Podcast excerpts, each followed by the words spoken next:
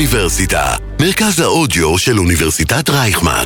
שלום ליושב ראש ועדת הכלכלה, חבר הכנסת דוד ביטן, הליכוד, בוקר טוב. בוקר טוב. טוב, יושב ראש ועדת הכלכלה, איך נלחמים ביוקר המחיה? יש הרבה פרמטרים ליוקר המחיה, זה לא מלחמה אחת. צריך ללמוד את בעיה בכל תחום ותחום ולהילחם בעניין הזה. למשל, עכשיו הביאו הממשלה חוק שקשור ליבוא מקביל. אבל מתברר למשל שבמכוניות אתה משלם תוספת של מס בגלל כל מיני הסכמים בינלאומיים. כן. אז אנחנו, אז אמרתי לאנשי האוצר, אז מה יוצא מזה? אתה מביא יבוא מקביל, בסוף מוסיף מס, אז כל ההפחתה ביבוא מתבטלת.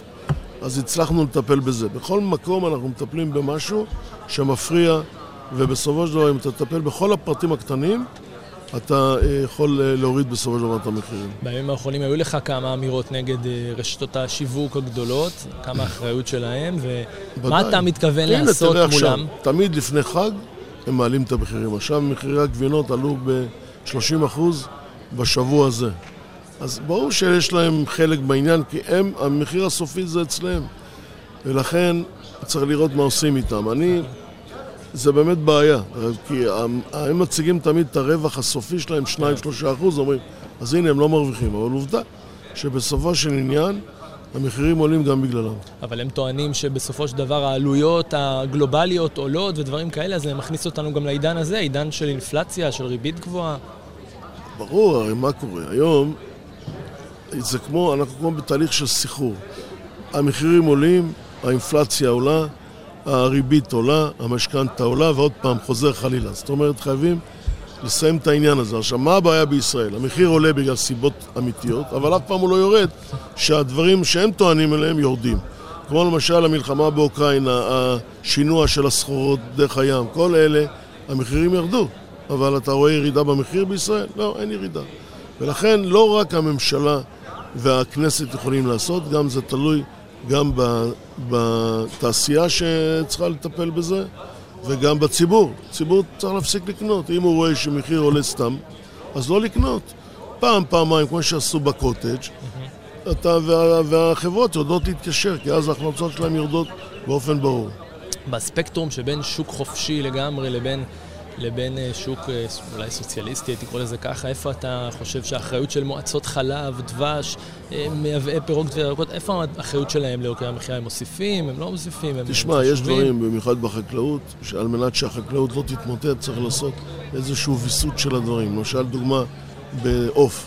אם כל מגדל יגדל כמה שהוא רוצה, התוצאה היא שיהיו עופות, יהיו אפרוחים שיגדלו, ועופות, אה, מה שגם מיותרים לצריכה, ואז גם מבחינת אה, הגנת החי, אתה סתם משמיד אה, עופות, וגם מבחינת החקלאים, הם לא ימכרו ואז הם כן. יפשטו את הרגל. אז צריך לדעת לווסת את העניין, אבל עדיין צריך שתהיה תחרות חופשית. רוצה לדבר איתך רגע על מחירי הדיור. הריבית עולה בגלל דברים שהממשלה לא תמיד יכולה להשפיע עליהם. לדעתך זה יכול להספיק להורדת מחירי הדיור, או שיש פה מהלכים שהממשלה זה צריכה לא לעשות? יספיק. ברור שהממשלה צריכה לעשות הרבה מאוד דברים. מה שזה הוריד עכשיו, הריבית, הורידה את ה... לא לוקחים הרבה משכנתאות, אז זה מוריד את הביקוש, אז זה הוריד את המחיר. אבל בסופו של דבר זה רק זמני. צריכים לטפל בכל העניין, ומה שחשוב, שהממשלה לא מטפלת זה בשכירות. זאת אומרת, צריכים לבנות דירות להשכרה. ברגע שיבנו דירות להשכרה, אנשים, זוגות צעירים, יכולים לחיות כמו שצריך, גם בלי לרוץ ולקנות דירה במיליונים. זה יוריד את הביקוש, ובסופו של דבר זה טוב, זה קורה בכל העולם, אז אין סיבה שזה לא יקרה בישראל. הממשלה אולי הייתה רוצה שפחות אנשים יגורו בגוש דן, אבל בכל זאת זה מצריך אה, כמה מהלכים כמו תחבורה ציבורית ודברים כאלה. איך אתה חושב שאפשר לקדם את הדברים האלה, והאם הממשלה הזאת אה, מתכוונת לעשות תשמע, דברים אתה בסדר? לא יכול ללכת נגד האנשים, הם רוצים לחיות איפה שהחיים טובים, מה שנקרא. יש גם תעסוקה, גם בילוי, גם חיים.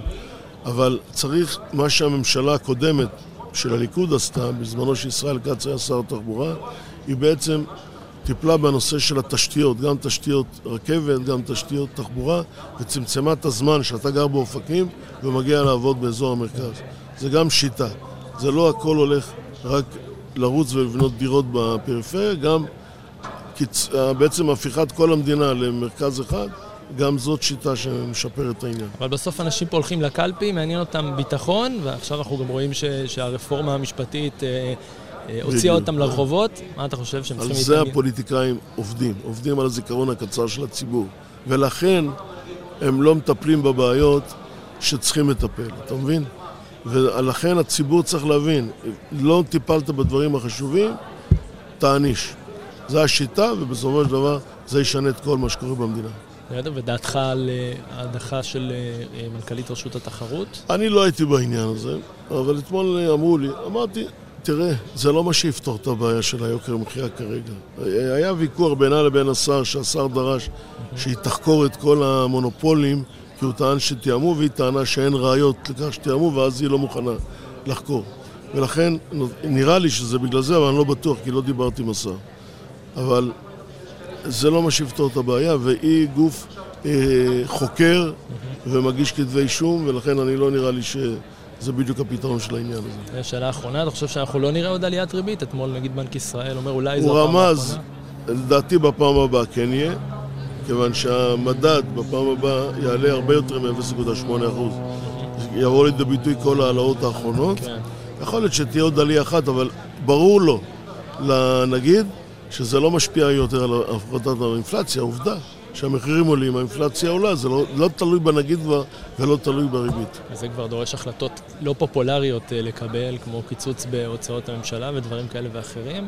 נראה לך שהממשלה הזו יכולה לקבל החלטות כאלה? קיצוץ... במצבה הפוליטי? לא נראה לי, לא, אף ממשלה לא אוהבת לקצץ, זה ברור, לא? או להעלות מיסים, בסוף צריך להחזיר את הכסף. אז זה בדיוק העניין, שאנחנו הבטחנו שלא נעלה מיסים, ואנחנו לא צריכים להעלות מיסים, אבל אנחנו צריכים לדאוג שתהיה צמיחה. אם יש צמיחה, אז אנחנו, יהיה לנו מספיק הכנסות כדי לשפר את איכות החיים של האנשים.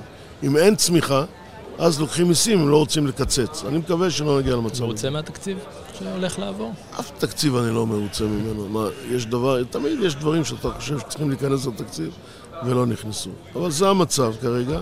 אנחנו סך הכל ארבעה חודשים, חמישה חודשים הממשלה הזאת קיימת.